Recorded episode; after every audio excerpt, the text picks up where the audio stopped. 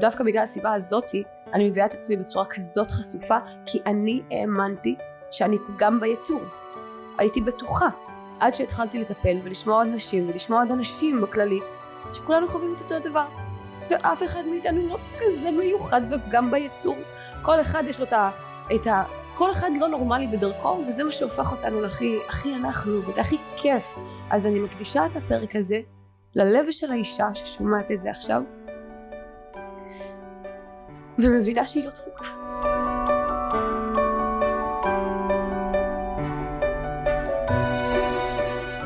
שלום וברוכים הבאים לפודקאסט נפש לוחמת, הפודקאסט שמדבר על בריאות הנפש, תהליכי התפתחות וסיפורים מעוררי השראה. אני המנחה שלכם, אורין ג'ולי, והיום כאן איתי מיטל פרייברג לוסטיג, נכון? כל הכבוד. אמרתי את זה נכון. אמרת נכון. מיטל פרייברג לוסטיג, מרצה מומחית לתת מודע בשיטת פרו-אקטיב, מנחת הפודקאסט מאישה לאישה ויוצרת המותג מיטל תכשיטי עוצמה. שלום מיטל. איזה כיף להיות פה. כיף שאת כאן. הבאתי איתך אנרגיות מדהימות וגם עשית לנו איזה קרקוע כזה ככה להתחלה שעזר מאוד וחידד את המטרה של הפודקאסט והפודקאסט הזה מוקדש לכולם לכל מי ששומע את זה לכל מי שרוצה לרפא להתפתח ואני כל כך שמחה שבאת לכאן כי אנחנו הולכות לדבר היום על דברים מה זה חשובים. תודה תודה שהזמנת אותי ואני אומרת בואי ניקח גם את ה... רגע להקדיש את הפרק הזה לחיילים שלנו, להגנה שלהם, לשמירה עליהם, שיחזרו הביתה לשלום וגם אה, לשבים, לשבים שישובו במהרה אה, בבריאות הנפש ובריאות הגוף במהרה. אמן ואמן. אז אני אשמח שתספרי קצת על עצמך לצופים שלנו, אה, קצת מעבר למה שאני אמרתי, מה זה השיטה הזאת שאת מדפלת בה, קצת על הפודקאסט, דברי אליי. אז אני אספר ש... וואו, את יודעת, בכל פעם שאנחנו מדברות על עצמנו אני חושבת שהסיפור הוא אותו סיפור אבל אה, נקודת ה... הנקודה שממנה אנחנו מתחילות משתנה. והייתה לנו כזה שיחה לפני שלחצנו על און אה, ועלינו לשידור ושיתפת אותי במשהו שהייתי רוצה להביא אותו לכאן לגבי עולם הרוח. אוקיי. Okay. אני מאוד רוחנית. ואני לא מתעסקת ברוחניות כרוחניות לשמה. ההתעסקות שלי עם עולם הרוח מהרגע שגיליתי אותו אה, נועד לשם היצירה בחומר. זאת אומרת תחום המומחיות שלי זה לקחת את הרוח ולברוא באמצעותה תוצאות בחומר. אוקיי. Okay. ואני מדברת על זה ואני פותחת את זה כאן בפתח של הפרק הזה כי אני מרגישה שיש לך כמו לכל עם ישראל ולכל הנשמות באשר הן הזדמנות כרגע לעשות קפיצת מדרגה ושעולם הרוח דופק לכולם בדלת הייתי רוצה לפרק את הפחדים ביחס לדבר הזה אוקיי okay. אז אני אספר לעצמי שאני בן אדם מאוד מאוד רציונלי לוגי ושאני בעוונותיי עורכת דין בדימוס יש לי שני תארים במשפטים למדתי שנים משפטים למדתי למעלה מארבע שנים שני תארים במשפטים ובעצם הלכתי דרך בחיים שלי ש, שבה הייתי אתאיסטית גמורה לאלוהים לא היה מקום בחיים שלי. וגדלתי בבית שבו אה, אבא שלי תמיד אמר תמיד אמר שאם הייתה מלחמת יום כיפור אז אין אלוהים. ואני לא מאשימה אותו הוא ראה הרבה כאב והרבה סבל בחיים שלו. יש הרבה אנשים שמאבדים אמונה כשהם אה, עדים לאסונות נוכח אלה שאנחנו צופים בהם גם היום. ואז הלכתי אה, דרך בחיים שלי שבה סחבתי במשך שנים את החיים רק על הגב שלי וזה היה לי כבד מאוד. אני בן אדם מאוד דואר, אני בן אדם שמאוד uh, מייצר ו... ואף פעם uh, אי אפשר לא היה בכלל על הפרק אצלי, עוד לפני שהתחלתי את עולם ההתפתחות, הכל אפשרי תמיד. זה משהו שהיה בפה שלי, לא הייתי מוכנה אף פעם לקבל לא כתשובה. אני זוכרת באמת שזה משהו שמהצבא ככה התחדד לי נורא, שתמיד המפקד שלי הייתה אומרת לי, מידע אין דבר כזה לא, אין דבר כזה לא, את תמיד תשיגי את הכן. וזה מאוד התאים לי, זה מאוד חשף לי איזשהו חלק בתוכי שלא מוכן להתפשר אה, על לחיות את החיים בתנאים של מישהו אחר. ועל זה שיטת פרואקטיב דרך אגב. וואו. מה זה פרואקטיב? מה זה להיות בן אדם פרואקטיבי? להיות בן אדם פרואקטיבי זה להיות משפיע בחיים שלך. ואת רוב החיים שלי עד גיל שלושים עד צוק איתן חייתי ממקום שבו אני מושפעת. הייתי מושפעת מנקודת ההתחלה שלי בחיים שחשבתי שהיא זאת שקובעת את ההצלחות שלי את התוצאות שאני מייצרת. הייתי מושפעת מחוויות הילדות שלי ומהבית שבו גדלתי שלא אה, גרם לי להסתובב בעולם כמו שהיום הילד שלי הילדים שלי מסתובבים מתוך תחושת ביטחון איך אה, הילד שלי מסתובב בעולם מתוך מקום שהוא יודע שהשמש זורחת לו מהתחת זה באמת נכון. יש לו את כל מה שהוא צריך כדי להשיג את כל מה שהוא רוצה ובדיוק בתפיסה הזאת רציתי שהוא יגדל אבל אני לא גדלתי בתפיסה כזאת.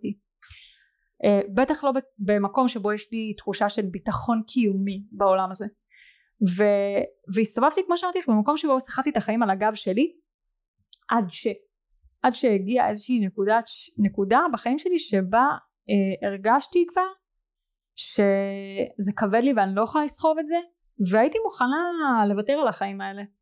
לא הייתי במקום שבו הייתי מוכנה לעשות שום דבר אקטיבי כדי לוותר על החיים אבל כבר עברו לי כאלה מחשבות שאם אני חוצה את הנתיב עוברת לנתיב ליד ואני מתנגשת חזיתית ברכב שמולי זה לא דבר הכי גרוע שיכול לקרות לי. ובמקום הזה במקום הנמוך הזה זה היה המקום שבו הרוח יכלה להיכנס לחיים שלי.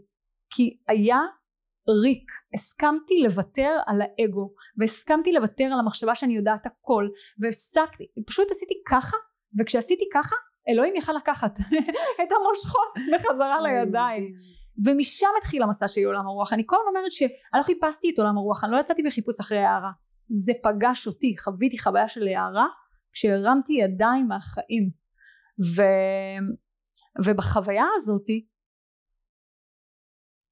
הרגשתי אה, מי בחיים שלי בורא את המציאות איזה חלק בי באמצעות איזה חלק אני בוראת את המציאות שנוכחת בחיים שלי. וכשהבנתי את זה הבנתי גם איך אני יכולה להשפיע על עצמי דרך מה שכבר היום משפיע עליי. ככה נוצרה שיטת פרואקטיב. מדהים זו שיטה שלך. כן שיטה שלי שאני הסעתי אותה ודן ואני דן לוסטיק אה, פיתחנו אותה והיום היא עוברת בתהליכים שלנו גם בתהליכי רפואת על אה, מדהים מדהים. אני אגיד אה, שקודם כל את אמרת בהתחלה שלכולנו יש בערך את אותו הסיפור וזה מדהים כי אפילו בסיפור שלי כשאני מספרת אותו תמיד אומרת שהגעתי לנקודת השפל שהייתה אמורה להיות נקודת השיא זה היה גמר הישרדות 2019 מצלמות כולם עליי מאפרים הייתי בטוחה שאני אמורה להיות מאושרת. הנה אני מפורסמת כמו שחלמתי. וזה היה הרגע שהכי רציתי למות. באמת עברו לי מחשבות כאלה גם לא עשיתי משהו אקטיבי אבל אמרתי כאילו די ניסיתי הכל מערכות יחסים לא עובדות. אמ, פרסום לא עובד כסף לא עובד אז די אז חלאס כאילו למה? אם כלום לא עובד אז למה אני בכלל פה? ואז כשהרמתי ידיים אמיתי הרמתי ידיים אלוהים כזה היה עכשיו תורך. ואז בעלי נכנס לחיים שלי ובאמת התחלתי ככה לחקור את כל עולם בריאות הנפש וכזה. ואני אגיד לצופים שלנו אולי אם לא הבינו את ההקשר של העניין הזה של רוחניות בהתחלה אז אני אספר ואני כרגיל אתפשט לכם בפודקאסט. ואני אגיד לכם שאני התחלתי קורס מטפלי ריברסינג לפני חודש וכל סשן כזה של ריברסינג שקורה קורים לי דברים מופלאים. ואני בחשיבה שלי גם ממה שאני לומדת קצת בקבלה וכאלה אני יודעת שקודם כל צריך לקחת אחריות על החיים שלנו. לפני הכל לפני אה, אמונה בכוחות אה, אדירים וכאלה רגע קח אחריות על החיים שלך תבין רגע מה הדברים שאתה רוצה לשפר בעצמך מה הדברים שאתה רוצה לשפר בחיים שלך תיקח אחריות ותבדוק מה החלק שלך באותן סיטואציות גם מה החלק שמשפיע על זה. ו... אני באמת התחלתי, בהתחלה אפילו חיפשתי, סליחה אני אתקן ואספר, שחיפשתי רוח, הלכתי לאיזה מטפל רוחני כזה, שישבתי מולו, ואמרתי לעצמי, אה, מה הוא רוצה מהחיים שלי זה? עזוב אותי, על מה אתה מדבר? תן לי רגע פרקטיקה של מה לעשות כדי לרפא את עצמי בכלל. Mm. וזה יצר לי עוד איזה אנטי, שבכלל לא ידעתי שיושב על אנטי קדום הרבה יותר, לעולם הרוח. והתחלתי ללכת לפסיכותרפיסטית שלי, שהיא באמת פרקטיקה מדויקת של בריאות הנפש. היא הסבירה לי נשמה את מתנהגת ככה בגלל שקרה הדבר הזה וזאת הדרך לתקן את זה. לי באותה תקופה זה היה מדהים מדהים. אבל זה גם החזיק לתקופה מסוימת שהתחלתי המשכתי לחקור עוד ולחקור עוד והגעתי למקום הזה של תת מודע בשיטת EMID אם את מכירה? לא. שיטה מעניינת של אה, להוציא ממש את ה... לאבד מחדש את הזיכרונות בדרך תת המודע וזה באמת הייתה שיטה מאוד אגרסיבית אבל מדהימה. mm-hmm. התוצאות שלה היו פשוט מטורפות ו... והמשכתי ככה לחקור לשמוע פודקאסטים ככה הכרתי את דן ככה הכרתי אותך מאוד אהבתי את הפודקאסטים שלכם והמשכתי ממש בחקר הזה ואמרתי לא מספיק לי ה- ה- לשמוע פודקאסטים לא מספיק לי ללכת למישהו חכם פעם בשבוע לא מספיק לי לקרוא ספרים אני רוצה עוד אני רוצה לגלות עוד.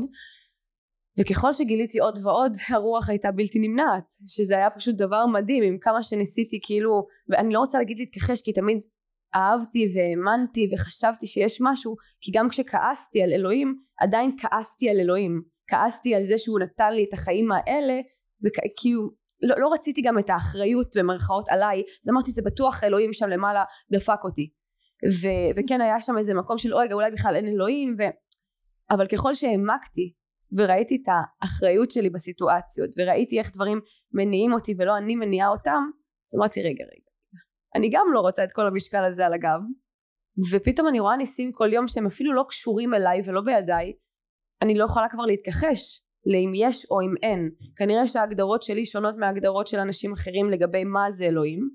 אה, ובגלל זה גם השביעי לאוקטובר לא ערער לי את האמונה הוא חידד לי אותה לגבי איך אלוהים או האנרגיה הקוסמית הזאת עובדת. ו... ואז מה שקרה בקורס ריברסינג לפני חודש זה שנשמתי על הדבר הזה שאני מאוד מאוד רוצה להיכנס להיריון. ואז הופיעה לי סבתא שלי. אה, סבתא שלי מצד אבא תמיד כל החיים היא הייתה אומרת שהיא רוצה להתאבד. ולא הבנתי למה. את יודעת בתור ילדה לא, לא מבינים. הבנתי שיש משהו לא בסדר במשפחה מן הסתם עברתי התעללות מינית מאבא שלי אז הבנתי שדברים לא בסדר במשפחה. וסבתא שלי תמיד ידעתי שהיא הייתה רוצה להתאבד. ולא יצא לי אף פעם לשאול אותה למה וגם כשהיא נפטרה היא, אני והיא כבר לא דיברנו כי, כי המשפחה לא אסרה עליי לדבר על איתה אני מאוד אהבתי אותה וזה היה לי משהו שהייתי צריכה לפתור עם עצמי הרבה זמן אחרי זה. אימא שלו דרך אגב? אימא שלו. והיא מופיעה לי בריברסינג ואני אומרת לסבתא למה את רוצה להתאבד? למה רצית להתאבד? מה, מה זה? וראיתי אותה נורא נורא מטופחת. היא לא תמיד הייתה מטופחת היה נגיד אירועים שהייתה יוצאת אז היא הייתה מתלבשת או זה והיא הייתה נראית לי בריברסינג נורא מטופחת. כמו איזה רגע שזכרתי אותה מתוך זה שהיא התאפרה ועשתה משהו יפה בשיער. ובאתי ואמרתי לסבתא למה רצית להתאבד? והיא הייתה עיראקית אז היא הייתה, היא הייתה אומרת לי דלל ווצ'ק ככה הייתה קוראת לי אין לי מושג מה זה אומר אפילו. והיא באה אליי בריברסינג ולא שמעתי את זה מאז שהיא נפטרה והיא אומרת לי בריברסינג דלל ווצ'ק דלל ווצ'ק ואני אומרת מה סבתא למה רצית להתאבד? תסבירי לי. והיא לא הייתה מוכנה להסביר לי והיא לא דיברה איתי על זה בכלל. ועוד הרבה דברים עלו בריברסינג בהקשר של המשפחה הזאת אבל הדבר הכי מדהים היה שהיא ממש הראתה לי את הנשמה שאמורה להיכנס לגוף שלי. והנה יש לי צמרמורת ובא לי כבר לבכות. ואז סיימתי את הריברסינג במין תחושה כזאת של ביטחון של אוקיי אם סבתא אמרה שהיא מביאה לי נשמה מסוימת וגבוהה לתוך הגוף שלי כדי שאני אכנס להיריון אני סומכת עליה? ואז אחרי כמה ימים התחילו הספקות. אמרתי טוב נו אולי הייתי באוברדוז של חמצן. את יודעת אולי הזיתי ודמיינתי ואולי זה בכלל לא קיים. נו עכשיו מה נשמות ודברים כאלה ואני חושבת שכל החיים עולם הרוח ניסה לדפוק לי בדלת ואני כזה טרקתי לו את זה בפנים כי אבא שלי היה אדם מאוד רוחני כביכול רוחני. הוא היה חבדניק הוא היה איש מאמין הוא היה מדבר איתי על גמרא וקבלה וזוהר וכמה שאלוהים אוהב אותו ובאופן לא מודע אני חושבת שזה גרם לי לחשוב שכל מי שמתעסק בעולם הרוח הוא קצת קוקוריקו. ונורא פחדתי למשוך לחיים שלי אנשים שהם קוקוריקוז. ואז אה, לפני שבועיים הגיעה לפודקאסט מיכל גרין והיא מסתכלת לי במספרים והיא אומרת לי את יודעת אני רואה שהרעיון שלך קשור לסבתא שלך לפי המספרים. מסתכלת עליה אומרת לה מיכל מה אמרת עכשיו? מה? והיא אומרת לי כן אני רואה פה שמשהו קשור לאימא שלך לסבתא שלך. עכשיו זה היה לי ברור שאני צריכה לעשות שלום עם אימא שלי בכלל לפני כל הדבר הזה שאנחנו עובדות על זה קשה. אבל פתאום אמרתי רגע רגע רגע. אז אולי לא הייתי באוברדוז של חמצן ואולי פתאום שאני מרגישה שאני מתחילה לראות הילות של אנשים אז אני לא קוקוריקו. ואני חושבת שכאילו היקום כזה בוחן אותי כי אני, אני לא רוצה חס וחלילה לעשות לשון הרע ולכן אני לא אגיד מי זה או האדם שפגשתי אבל פגשתי אדם שדיבר רוחניות ועם זאת דיבר על דברים נורא נורא רעילים ומפחידים שהוא עושה וזה עוד פעם יצר לי את הרתיעה הזאתי ופתאום הרגשתי איך עוד פעם הדלת הזאת נסגרת של הרוחניות. כי הייתי במין איזה חודש כזה טוב של רוחניות של התחברות של דברים שראיתי של מסרים שקיבלתי ואיך שפגשתי את האדם הזה נבהלתי ועוד פעם נסגרה לי הדלת. אז uh, את יודעת אנחנו אומרות שהכל מדויק ואין דברים כאלה סתם ואני לגמרי מסכימה עם זה כי אני יכולה להגיד לך שאני הזמנתי אותך לפודקאסט כי אני ידעתי שאת מתעסקת בנשיות ובנקביות שזה הדבר הכי מעניין אותי בעולם ואפילו לא ידעתי על כל עולם הרוח ואני חושבת שהולך להיות לנו פודקאסט מדהים מדהים. את יודעת, צריך אה, תמיד לעשות את, ה, אה, את ההבדלה בין, בכל תוכן שאנחנו צורכים דרך אגב, זה לא משנה גם בתוכן הזה וגם כל, כל תוכן שאנחנו צורכים צריך תמיד להבדיל בין ה, נגיד המילים או אפילו בין הבן אדם שמוסר את זה לבין האנרגיה שעוברת אלינו. בסופו של דבר אומרים את זה תמיד בכנסים למרצים בכנסים אף אחד לא יזכור מה אמרת תמיד הם יזכרו מה גרמת מה, מה הרגשת שם מה גרמו לך להרגיש. וגם כאן במקום הזה האנרגיה עוברת דרך פילטר של מישהו. למישהו הזה יש את הרוח וגם יש את האגו. אנחנו מורכבים מחלקים. לא תמיד החיבור שלנו הוא נקי. ואם משהו כשנפתח את הדלת מרגיש לך לא בשבילך אז יש איזושהי אינטואיציה פנימית שבאה ואומרת לך יכול להיות שאני לא מוכנה לרטטים האלה יכול להיות שזה לא נכון כי אני מרגישה איזשהו זיוף או יכול להיות שזה לא נכון לי עכשיו אבל מה שבטוח שכל מפגש כזה אה, מעלה בעצם חלקים פנימיים בתוכנו או פצעים חלקים פנימיים בתוכנו שמבקשים לעבור ריפוי. והבן אדם הזה בחיים שלנו רק היה שליח אנחנו לא חייבים לתת לו להיכנס יכולים לסגור את הדלת ולהגיד אוקיי אני רואה שיש לי פה איזה פצע שקשור לאמונה שלי אני רוצה להביא ריפוי למקום הזה כדי שאני אוכל להתחבר בצורה שהיא נעימה לי ואני אוכל לקבל את המתנות של הרוח. ואת יודעת את מדברת על זה שאני uh, מדברת על, uh, על נשיות. ואין uh, ביטוי יותר חזק לחיבור בין רוח לחומר מהיריון כי תחשבי מה אנחנו עושות מה אנחנו עושות ברחם שלנו איזה כוח יש לתנועה הזאתי אנחנו בוראות חיים. הרחם שלנו הוא בוראת חיים. ולנו כנשים יש יכולת לא רק לברוא חיים אלא גם להוציא לפועל ולברוא פרויקטים. כי אם הגוף שלך יודע לעשות את התנועה קל וחור שאת יכולה לקחת ולהשליך וליישם אותה על כל דבר שתרצי לברוא בחיים שלך והמסע או הרוחניות או החיבור שלי לעצמי הוא עצם עוד יותר אה, כשרציתי להפוך להיות אימא. זאת אומרת האימהות זה מתוקה כבר מרגש אותי. האימהות אצלי עברה דרך הרבה הפלות. זאת אומרת הייתי בהיריון הייתי בהיריון אה, תשע פעמים ויש לי שני ילדים. אז תחשבי כמה הפלות עברתי. זאת אומרת גם לפני הילד הראשון שלי עברתי הפלות אבל בין הילד הראשון לשני שלי עברו ארבע שנים שלא הצלחתי להיכנס להיריון. את יודעת העליתי לא מזמן פוסט שהכותרת שלו הייתה אם את כזאת מאסטרית ביצירת מציאות איך זה יכול להיות שעדיין לא הצלחת לממש הריון בחיים שלך? והכותרת הזאת היא נולדה בעקבות אה, שיחה אם uh, הכרתי uh, חברה חדשה והיא לקחה אותי לפגוש את הבן זוג שלה ו, uh, ובאמת uh, במפגש הזה שאני ודן סיפרנו על עצמנו אז סיפרנו שאנחנו מלמדים אנשים, אנחנו מלמדים אנשים לרפא את עצמם אמ, אבל לא רק לרפא סימפטומים פיזיים אלא גם לרפא אה, סימפטומים נפשיים וגם מציאויות. זאת אומרת בשנים האחרונות יצא לנו לעבוד עם אלפי אנשים לייצר תוצאות בחיים שלהם בתחום של זוגיות, בתחום של שפע, בתחום של ייעוד וקריירה ו, ו, ויותר ויותר בשנים האחרונות אה, באמת ריפוי של אה, סימפטומים אה, פיזיים, מחלות פיזיות וגם נפשיות וגם הריון, כן? אנחנו בעצם מה שאנחנו עושים זה נכנסים פנימה ודן ידבר בפרק שאתם תקליטו על, על התהליך שבאמת משחררים את האנרגיה הרגשית הכלואה אבל אני אדבר על זה שבכל פעם שיש לנו בחיים פער בין המקום שאנחנו נמצאים בו לבין המקום שאנחנו רוצים להיות בו בכל תחום בחיים. הסיבה לפער הזה לשיטתי זה דפוס חוסם שנמצא בתת המודע ובעצם אה, חוסם אותי מלייצר את המציאות שאני רוצה לייצר עכשיו הדפוס הזה הוא לא טעות אין טעויות. כמו שמחלה היא לא טעות של הטבע גם הדפוסים החוסמים שנמצאים בתת המודע שלנו ומונעים מאיתנו לייצר את המציאות שאנחנו רוצים זה לא טעות של הטבע אלא זה ניסיון של המערכת כולה להגן עלינו כי אנחנו לא מוכנים. כי ברגע שנהיה מוכנים המציאות הזאתי תתגשם בחיים שלנו קפץ איתך כזה עמוק אז רק אני אגיד איזשהו משפט שאני מאמינה שמה שיוצר את המציאות בחיים שלנו בין 95% ל-97% ממה שנוכח בחיים שלנו זה תת המודע שלנו. אה, ובאמת רק מעט אחוזים זה הפעולות שאנחנו עושים.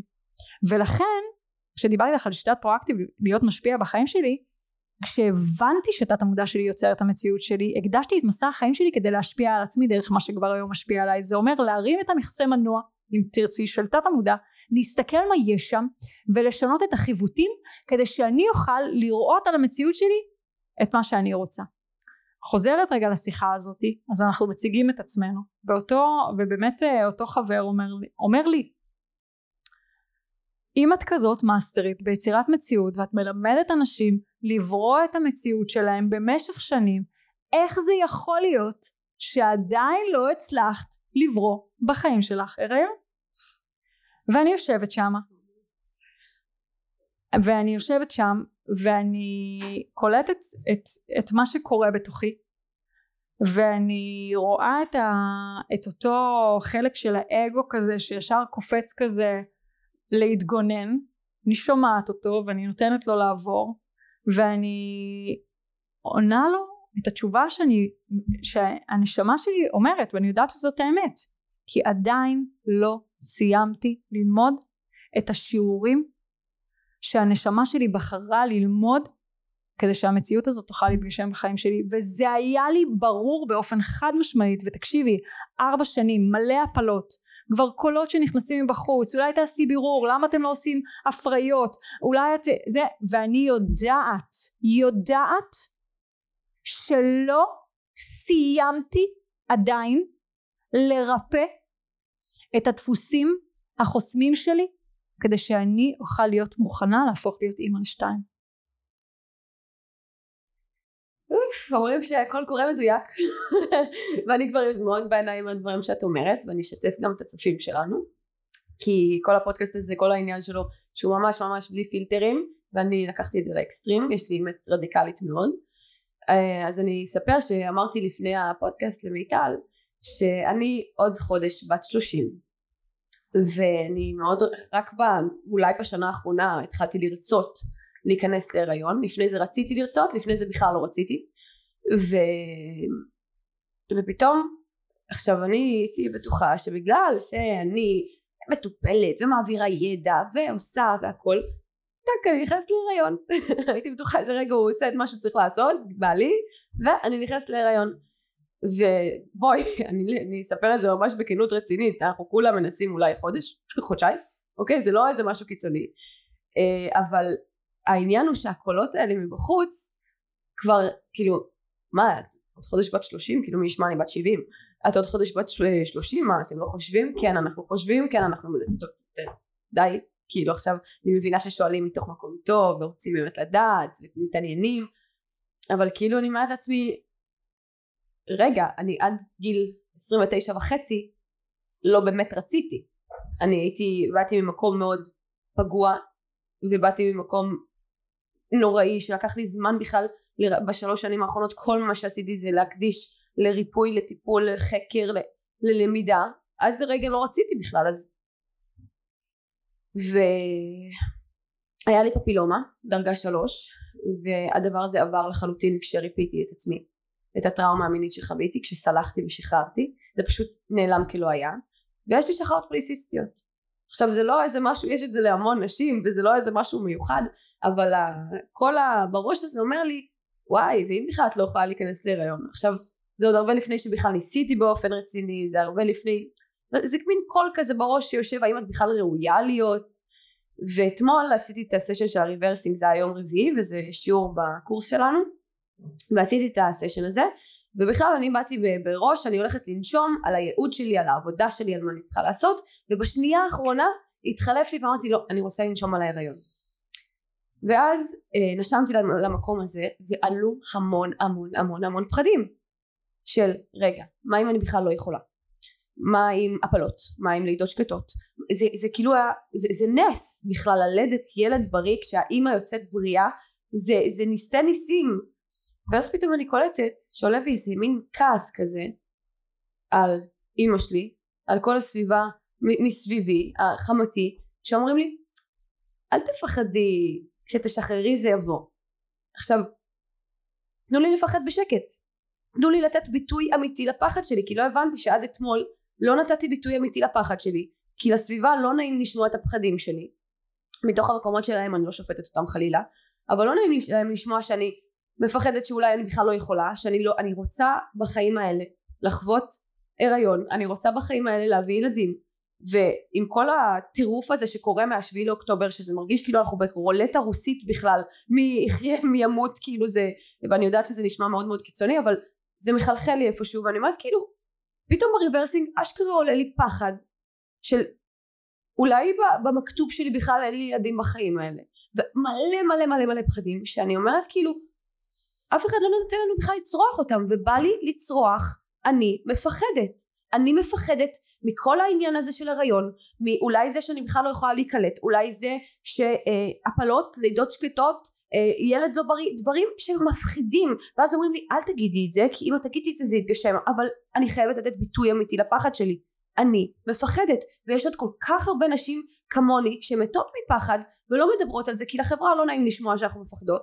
ואז זה נראה שמסביבנו כולם נכנסות להיריון בכזאת קלות כי כולם מפרסמים רק את ההצלחות שלהם. ובא לי להגיד בשם, בשמי ובשם כל הנשים זה דבר מפחיד. ואז כשנשמתי לתוך המקום הזה של פחד אחרי ששחררתי את זה ובכיתי ובאמת הוצאתי את זה הגיעה אמונה ועוד פעם סבתא שלי הייתה שם. ועוד פעם הרגשתי שאני רואה את הנשמות שאמורות להיכנס לרחם שלי.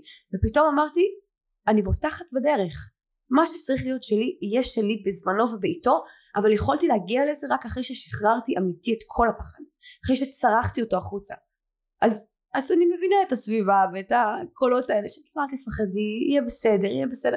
אבל תנו לי לפחד. מותר לי לפחד. ופתאום את באה ומדברת איתי פה גם על השילוב בין רוחניות לבין הריון ובכלל אני מסתחררת כבר ובא לי, לי לשאול כאילו אני אתחיל מהשאלה הראשונה איך בכלל עושים את זה איך בכלל עושים את זה? אוקיי מחכים שבועיים מהביוץ יום כן יום לא גומר בפנים בסדר.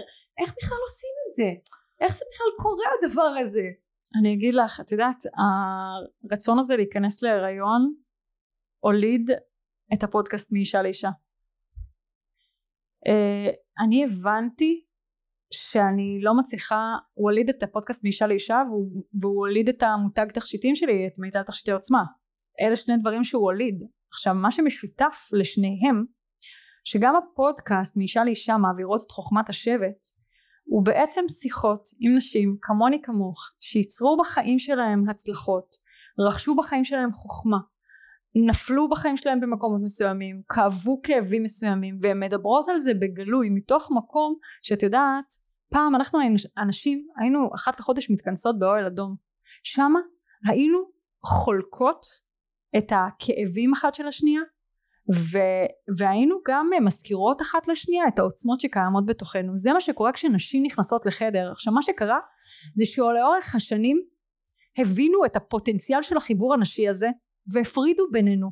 הפרידו בינינו כי כשאנחנו ביחד אנחנו תחשבי מעגל רחמים מטורף. כשמעגל רחמים מטורף מחזיק רצון מחזיק תמונה תודעה במציאות שלו בעבור אישה אחרת התמונה הזאתי יש לה כוח הרבה יותר גדול להתגשם. וזה מה שאנחנו עושות במרחבים הנשיים. אנחנו מחזיקות עדות. כשאני ודן התחלנו את הקשר שלנו חברה טובה שלי מעיין שובל קוראים לה הקלטתי את הפרק הראשון בפודקאסט מאישה לאישה שקוראים לו אה, רפואת ה sisterhood כשאנחנו התחלנו לצאת היא אמרה לי אני ערבה לכם אני מחזיקה עדות לזוגיות שלכם. מה זה אני ערבה לכם אני מחזיקה עדות לזוגיות שלכם? זה אומר אני מחזיקה את התמונה הזאת בתודעה ולא משנה מה יקרה. וקורה כשיוצאים למסע של זוגיות וכמו גם כשיוצאים למסע של הריון. רצון להביא ילד לעולם. הפחדים מתעוררים והפחדים האלה מעלים לתודעה שלנו תמונות שאנחנו לא רוצים שיתגשמו ואחד הדברים החשובים כשיוצאים לדרך כזאת שפחדים יכולים להתעורר זה סביבה תומכת שערבה לך ומחזיקה בתודעה שלה אותך מחזיקה תינוקת בריאה בידיים מלאות בלידה קלה. זה כוח זה הכוח הנשי. ו... סליחה אני דומעת פה כי אני ממש אוהבת נשים ולא אהבתי כל חיי. גם אני, אני, לא, אני, גם, אני גם לא הבנתי את הכוח של האנרגיה הנקבית, נכון. לא הבנתי את הכוח של הרפואה הנקבית, של היחד הנקבי. זה, זה הצטייר לי בכלל כמשהו חלש ופגיע, אמרתי אם אני אהיה באנרגיה הנקבית שלי, אאנס, אפגע, יקרה לי, אז אני חייבת להיות אוגה בוגה, ואז גיליתי שבכלל הכוח האמיתי הוא באנרגיה הנקבית, ואז איזה כיף זה להיות באנרגיה הנקבית, אפשר לנוח וליהנות, ובעלי בזכרית שלו, ואנחנו מאוזנים, ואפילו המחזור שלי תלוי ברמת האיזון ביני לבינו, זה, זה בכלל דבר מטורף. יש לנו פרק שלם על זה בקורס זוגיות פרואקטיבית, על המקום הזה שכשנשים אה, רוצות להיכנס להיריון וגם כשהן נמצאות בווסת הן עושות מבחנים זה לא מודע. מבחנים לבני זוג שלהם כדי שבעצם הוא ירים את האנרגיה הזכרית כדי שאת תוכלי להגביר את האנרגיה הנקבית. ואחד הדברים שבאמת אפשרו לי להתחבר ולהגביר את האנרגיה הנקבית שלי אה, היה שהתחלתי ליצור את התכשיטי עוצמה. והתכשיטי עוצמה הכוח שלהם זה שהם בעצם כלי תומך לבריאת מציאות. כי מה שקורה זה שלנו יש שדה אלקטרומגנטי לכל בני אדם. יש שדה לכל דבר שקיים בבריאה יש שדה אלקטרומגנטי. השדה הזה הוא כמו מגנט. ובעצם הוא מקוון על ערוץ מסוים מה קבע את הערוץ שהוא מקוון עליו? חוויות החיים שחווינו קבע את הערוץ שעליו הוא מקוון אבל בהתאם לערוץ שעליו הוא מקוון זה כמו תחנת רדיו נכון? 91-8 קולט משהו מסוים ככה גם הרטט של השדה שלנו מושך אלינו אנשים סיטואציות מציאויות חפצים ולא רק את יודעת מה הוא עוד מושך אלינו? את המחשבות שלנו שאנחנו ממש בטוחים שהם שלנו שיש לנו במהלך היום אלפי מחשבות שחולפות לנו בראש וכמה אנחנו יכולים לפעמים עוברת איזה מחשבה ואנחנו רצים אחריה ואנחנו יכולים יום שלם ללכת לאיבוד בתוך הזה, אותה מחשבה להיות בטוחים שהיא האמת והיא המציאות בו בזמן שהיא בכלל לא שלנו אלא אנחנו קולטים אותה בהתאם לערוץ התודעה שאנחנו מקוונים עליו. ו, אה, והתכשיטים האלה הם משפיעים על השדה האלקטרומגנטי שלנו כשאנחנו בעצם עונדות אותם השדה שלנו משווה לרטט שלהם ובאמצעות כך אנחנו יכולות לייצר מציאות שאנחנו רוצות. וואו אז רגע את כשאת יצרת את התכשיטים כיוונת להכניס אליהם איזשהו תדר? כיוונתי להכניס אליהם תדרים נקבעים. התדרים או הסמל העיקרי של המותג הוא סמל האלה.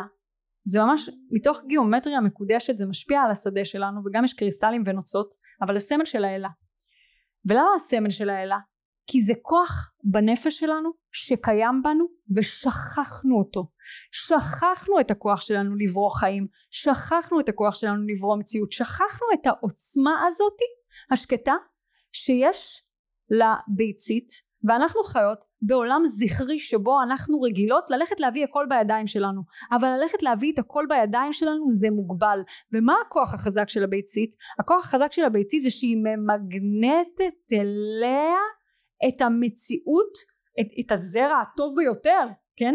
אז היא יש לה את הכוח למגנט אלינו את המציאות הגבוהה והמיטיבה ביותר כשאנחנו מחוברות לעצמנו ורוטטות את האנרגיה הנקבית שלנו. ו... ושתביני שאני הייתי מאוד מאוד זכרית במהות שלי והקמתי את העסק שלי לפני תשע שנים האומץ שיחות החלומות שלך זה עסק שהוקם לפני תשע שנים אלפי אנשים שעברו תהליכים של התפתחות אה, באמת זכות גדולה לשבת בשורה הראשונה ולראות את הדבר הזה קורה. ו... אבל אני לא נחתי. אני לא עצרתי. אני לא הייתי מכל לתינוק שייווצר ברחם שלי. וכל זמן שלא הסכמתי לפנות מקום לזה. בכל פעם שהיה מתחיל הריון הוא גם היה נופל כי לא פיניתי לזה מקום. ולפני כמה שנים שהבנתי ש, שאין מקום ש, שזה בסדר אנרגיה נקבית יש לה תפקיד מאוד חשוב אנחנו לא אמורות להיות רק באנרגיה הנקבית שלנו. יש סייקל יש מחזוריות יש זמן שנכון להיות באנרגיה הזכרית יש זמן שנכון להיות באנרגיה הנקבית ודרך אגב כשאנחנו אה, מחוברות לעצמנו המעבר הזה גם קורה בצורה מאוד מאוד טבעית יחד עם מחזור הווסט שלנו יחד עם הביוץ יחד עם הדימום אנחנו באמת עוברות בסייקל הזה אבל אנחנו חיות בחברה זכרית שבה אנחנו רגילות שאנחנו צריכות לקום יום יום ולספק תוצאות והבנתי שאני חייבת להיות קשובה למחזוריות הזאתי והתחלתי לעקוב אחריה אה, קודם כל הדבר הראשון שתליתי את המפתחות באתי ואמרתי לדן שומע? לא עובדת. כך אני, אני, אני יוצאת להפסקה אני, ואני נותנת לך מה שנקרא קח תחזיק את ההגה ואני כרגע צריכה להתפנות להיות מכל ואני זוכרת שזה היה לי קשה בטירוף ישבתי על הספה ולהתעורר לתוך מציאות כזאת שאת קמה בוקר בוקר אבל קורונה עזרה לי לשאלה שבה מה אני אמורה לעשות היום? והתשובה היא כלום. זה שינה לי לגמרי את התודעה ואת הפוקוס. לאן אני מכוונת את האנרגיה שלי על מה אני מסתכלת ממקום שבו כל האנרגיה שלי רגילה לייצר תוצאות עסקיות למקום שבו אני כרגע מפנה את האנרגיה ללהיות אימא, ללהתחבר לרכות, להתחבר לנקביות, להיות רחם שבו תינוק ישמח לגדול בתוכו.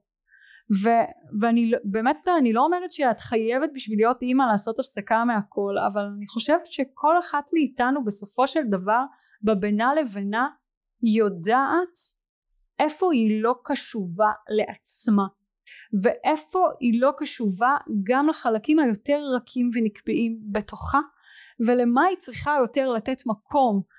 ו, וכשנתתי את המקום הזה זה לא תגידי שנקלטתי מיד כמו שפשוט התחילו באמת לעלות לתודעה שלי אותם הדברים או אותם הדפוסים שחוסמים אותי מליצור את זה בחיים שלי ויכולתי ללמוד את השיעורים ויכולתי לראות כמה תפסתי אנרגיה נקבית כמשהו חלש ויכולתי לראות אה, כמה פחדים היו לי מאימהות וכמה פחדים היו לי מלאבד ו, אה, וזה עבר דרך המקום הזה של להסכים להיות נתמכת. כי כשאת נכנסת להיריון את הופכת להיות תלויה ובטח ובטח שאת הופכת להיות אימא את תלויה בגבר שלך, את תלויה בגבר שלך שהוא יפרנס אותך, את תלויה בגבר שלך שהוא יאכיל אותך, כי התינוק שלך וככה עובד הטבע. זה בכלל לא עניין מגדרי, אבל ככה עובד הטבע. התינוק שלך תלוי בך. בשביל שאת תוכלי לייצר חלב, את צריכה לאכול ואת צריכה לנוח, ואת לא יכולה לעשות דברים בעצמך, כמו שעד היום יכולת לעשות. את יכולה דרך אגב, אנחנו נשים, אנחנו יכולות לעשות הכל, אבל זה לא נכון.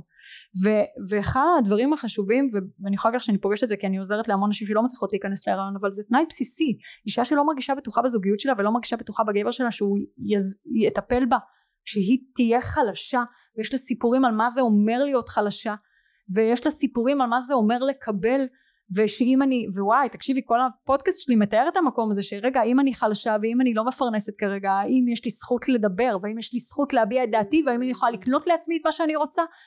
ווואו זה עבר דרך ריפוי כזה גדול למקומות האלה של זה לא אומר עליי שום דבר אם אני נתמכת. זה לא אומר עליי שום דבר אם אני חלשה זה לא אומר עליי שום דבר אם אני מסכימה שיפרנסו אותי. אני עדיין יכולה להביע את הקול שלי ואני עדיין יכולה לקנות לעצמי את מה שאני רוצה ואני עדיין יכולה להגיד את, ה, את כל מה שאני חושבת אה, בזוגיות שלי. יש לזה מקום. אה, תכף אני אספר לך מה היה הגרנד פינאלי וואי זה קודם כל זה מדהים. זה מדהים ומדויק ואני יכולה לספר מתוך הדברים שאת אומרת כמובן כל אחד שומע את זה לאוזניו ומתוך הדברים שאת אומרת אמ, אני מסכימה עם הכל לחלוטין. ואני יכולה להגיד לך שאני כל החיים ממש רדפתי אחרי כסף ורוצה כסף ופרסום זה לא עובד הייתי מאוד מאוד חולה. וכשגל נכנס לחיי אייל זה בעלי. כשהוא נכנס לחיי בדייט הראשון אני זוכרת שפשוט היה לי מין התפשטות כזאת באנרגיה הזכרית שלי כי הוא היה הרבה יותר זכרי בטוח בעצמו ומאוזן ממני. ואת יודעת בסוף זה, זה לקלף מלא מלא שכבות ועכשיו מה שקרה מאוד מעניין אה, שדיברתי גם עם דן על זה בעלך ולפני איזה חודש התקשרתי אליו ואמרתי לו תקשיב אני חייבת רגע עזרה אני מנסה להבין מה השורש של הכאב שיש לי בעצם אסיאטיקה ברגל ימין. ואני הנה עכשיו הוא מופעל איך שדיברתי עליו. ו- ואני לא מצליחה להבין ישבתי ונשמתי והכל ולא מצליחה להבין ובאמת תוך חצי שעה שיחה בטלפון הוא עזר לי להבין רגע מה קורה שם וזה הקונפליקט הזה בין אורין הלוחמת לאורין המטפלת ככה אני קוראת לשתיהן ואיך שדיברתי איתו הלכתי עשיתי rebirthing על זה אה, עשיתי קצת דיקור אצל ליקים ביננשטוק אם את מכירה מטפל מדהים וזה אמ, זה נרגע זה נרגע גם חזרתי הביתה מאחרי 70 יום מילואים ששם הייתי בזכריות המוגברת שלי שהייתי צריכה לפקד ולהוביל וזה היה לי באמת לא כל כך כיף נגיד זה היה מאוד מאוד מאתגר וחזרתי הביתה וידעתי בשבועיים הראשונים שכל מה שאני עושה זה לחזור לאנרגיה הנקבית שלי. זה לנשום רגע ולחזור למדיטציות שלי ולזמן כתיבה שלי ואפילו למניקור פדיקור שיער כל מה שמחזיר אותי לאנרגיה הנקבית שלי. ועכשיו זה, זה מעניין כי אני איך אני אגיד את זה? כאילו ב... אני לא עובדת אוקיי? זה לא שיש לי עבודה. שואלים אותי מה את עושה? אני אורין זה מה שאני עושה אני עושה מה שנעים לי בחיים מה שעושה לי טוב באותו רגע. אם זה לא עושה לי טוב אני לא עושה. ואז את אמרת שכל אחת יודעת איפה היא לא אמיתית לעצמה והשבוע היה לי אה, שבוע מעניין של מיון לוחמות אני מעודדת מיון לוחמות ועושה הרצאות וכזה והשבוע קמתי עם כל צד ימין של הגוף כואב מהקודקוד ועד למטה. כואב תפוס לא נוח לי וידעתי בתוך תוכי ככה את הקול הקטן הזה שמשתיקים אותו שבסוף שבוע אני טסה היום בערב אני טסה לארצות הברית. ואני טסה לארצות הברית מעבר להרצאות שאני מאוד מאוד אוהבת לעשות וזה באמת אין שום בעיה לעשות אני טסה לתערוכת נשק. ותערוכת הנשק הזאתי אני עושה אותה כבר המון שנים אני חושבת מ-2016 אולי 17 ואז זה היה מאוד מאוד נכון לי מאוד נהניתי לעשות את זה לקבל הרבה כסף על זה וגם עכשיו אני מקבלת על זה הרבה כסף ותכלס בשביל זה אני טסה. אבל אני לא רוצה. הפרק הזה כנראה יצא אחרי התערוכה אז אני אעדכן uh, מה יהיה שם. אבל, אבל הבנתי למה פתאום גם עלו בי הפחדים האלה של ההיריון כי אמרתי אני לא מספיק קשובה לעצמי בעניין הזה של כאילו משהו בי הוריד את הנשק כבר מזמן ואני כן נהנית מזה אני יכולה ללכת להתאמן ולראות כשבא לי כשזה נכון לי כשזה מתאים לי אבל לא מתאים לי עכשיו לנסוע לארבעה ימים ללאס וגאס ולטחון שם עבודה ולעמוד ולדבר ולעשות וכזה. והרגשתי שאני עושה את זה מהפחד לפספס משהו. ובחרתי לעשות את זה כי זה משתלם לי כלכלית וגל אמר לי אורין לא בא לי כל כך שתטוסי גם המצב מאוד מסוכן הדמות מאוד מפורסמת את מגיעה למקום כזה אה, מפחיד אותי שאת טסה ואני הייתי מעדיף שלא תטוסי. ואמרתי לו כמובן כן כן מה שתרצה אין בעיה. וסגרתי כרטיסים כי אה, אני אומרת את האמת הכסף שווה את זה. זה ארבעה ימים של הרבה מאוד כסף. ו... ופתאום מתחדדים לי דברים תוך כדי שאת מדברת של עד שאני לא אהיה קשובה לעצמי במאה אחוז. וגם הגבר שלי כפרה עליו שליח של בורא עולם מלאך שלי שיודע טוב מאוד מה נכון ומה לא נכון לעצמי גם כשאני משקרת לעצמי. אה, אז אה, נעבוד על זה. בא לי להגיד כזה טוב אז אחרי תערוכת הנשק הגדולה בעולם אני אתחיל להיות יותר קשובה לעצמי כי אני עדיין מודה שאני מפחדת לפספס. בא לי להגיד לך משהו אבל אה, אני אני מבקשת ממך את האישור להיות מאה את יודעת העברתי לאחרונה שיעור החלפתי את דן בקורס רפואת על באיזה שיעור ובאתי יצא לי להתארח שם בקורס וכשהתארחתי אז שדן יושב לידי הוא מאזן לי את הדימר מנמיך לי את הדימר ואיך שהתיישבתי שם שאלתי אותם הם מאשרים לי להיות מאה אחוז אני? אם הם רוצים לקבל אותי כמו שאני או שהם רוצים לקבל אותי עם דימר יותר נמוך אמרו לי מאה אחוז את מהשנייה שפתחתי את הפה שעתיים וחצי לא סתמתי את הפה וכולם טק טק טק טק טק טק טק טק טק טק טק טק טק הפלתי להם את האסימונים למה מנהל אותם בחיים והם יצאו מהשיעור ככה אז אני אשאל אותך אם את נותנת לי אישור 200 אחוז בלי להנמיך את הדימר אני אה, עברתי בחיים שלי טראומה מינית מורכבת זה היה משהו שהיה סגור אצלי בתודעה אני לא זכרתי אותו ורק כשהתחלתי באמת את העבודה התודעתית שלי אה, כשהייתי מוכנה זה נשלף לי הקובץ נשלף לי מה, מהתודעה ונזכרתי אבל הגוף שלי תמיד זכר. הזיכרון היום כמומחית לתת מודע אני יודעת להגיד הכתובת הייתה על הקיר. בסדר? היום כמומחית לתת מודע שיודעת לזהות את הסימנים הכתובת הייתה על הקיר אני יודעת באופן חד משמעית. הטראומה הזאת יצרה אצלי כל מיני דפוסים. אני יכולה להגיד לך שהסתובבתי בבית בהיריון עם, אה, עם אורי וצעקתי על דן אתה לא תחליט עליי אתה לא תחליט עליי. עכשיו הוא לא ניסה להחליט עליי אוקיי? אבל את מכירה את זה שכאילו ברור. אנחנו עוברות משהו ויש איזו שיחה פנימית שקורית בתוכנו? ברור. אז ההיריון הפגיש אותי עם הריפוי של הטראומה המינית בעוצמה מאוד גדולה. את יודעת למה? כי כשאת נכנסת להיריון את קצת מאבדת את השליטה על הגוף שלך.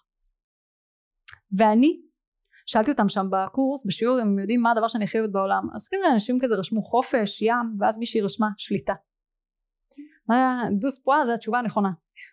למה שליטה זה היה הדבר שאני הכי אוהבת בעולם? כי נלקחה ממני השליטה. ואני הסתובבתי בעולם וחלק מזה שלא האמנתי בבור... שבאמת לא האמנתי בבורא עולם בסדר? כן? זה והיה לי כבד ולקחתי את המושכות לחיים שלי וכל הזמן הייתי בשליטה כאבו לי השכמות הגוף שלי דיבר. נשבר לי הגוף מרוב שניסיתי להחזיק שליטה. אבל ניסיתי להחזיק שליטה כי לא הייתה לי חוויה של ביטחון בעולם. ואת יודעת ממש לא היה לי ביטחון הכל היה נכנס. הייתי הולכת ברחוב הייתי מסובבת את הראש כל הזמן אחורה אני עד היום מסובבת כל היום את הראש אחורה ואני חיה בעולם ער ומודע ואני יודעת שהתודעה שלי יוצרת את המציאות שלי ואני עדיין מסתובבת ויש לי עדיין בתוכי את החלק הזה שמפחד כי פרצו לי למרחב האישי במקום הכי בטוח על פניו שאמור להיות. והדבר הזה הוליד זהות בתוכי. uh, אני הייתי נוסעת באוטו ואת מכירה את השיר uh, של אייל גולן לוחמת? כן.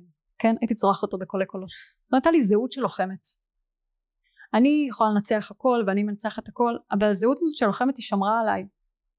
אבל כמו שאנחנו מכניסים uh, למקרר uh, ירקות שאנחנו קונים אותם ברגע שאנחנו קונים אותם הם טריים והם מזינים אותנו. אבל אם הם ישבו שם במשך שבוע והתחילו ללא טוב ושאם הם יהיו לנו מזינים בדיוק כמו שהם היו מזינים כשקנינו אותם לא. ככה גם הזהות הזאת של הלוחמת. זאת אומרת היא שמרה עליי עד שהיא הפסיקה לשמור עליי ואז היא הפכה להיות כמו הבאג הפנימי שלי בתוך המערכת שפשוט מנע ממני להיות פגיעה. ומנע ממני להקשיב לעצמי ואת יודעת שאנחנו מחזיקות איזה זהות מסוימת יש לה חיים משל עצמה.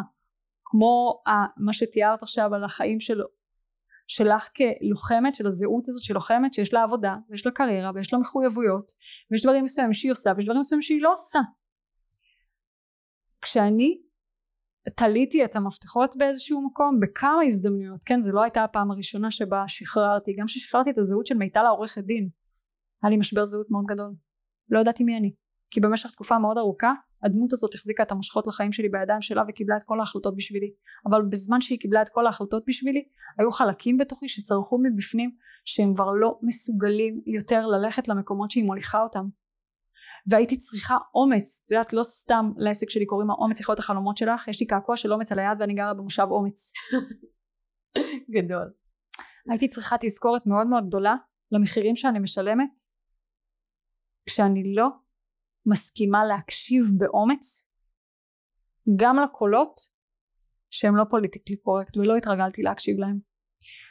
ואני אסיים בזה שאני אספר לך שהייתי בהיריון הראשון שלי הייתה לי הגשמה מאוד גדולה.